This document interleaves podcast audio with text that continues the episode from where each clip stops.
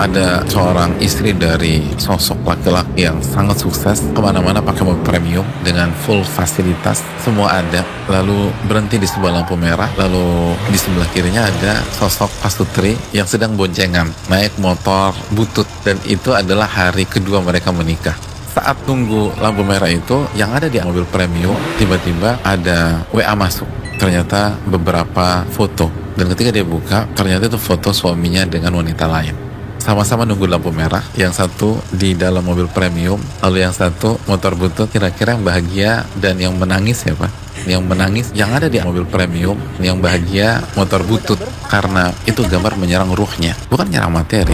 Dan begitu ruh dan jiwa diserang materi nggak ada artinya. Motor butut fasilitas nggak ada artinya. Tapi ketika ruh mereka senang maka mereka bahagia. Senang sulitnya kita itu bukan karena fisik. Senang dan sedihnya kita itu roh dan jiwa Ruh kita senang, hidup kita senang. Ruh kita sedih, hidup kita sedih.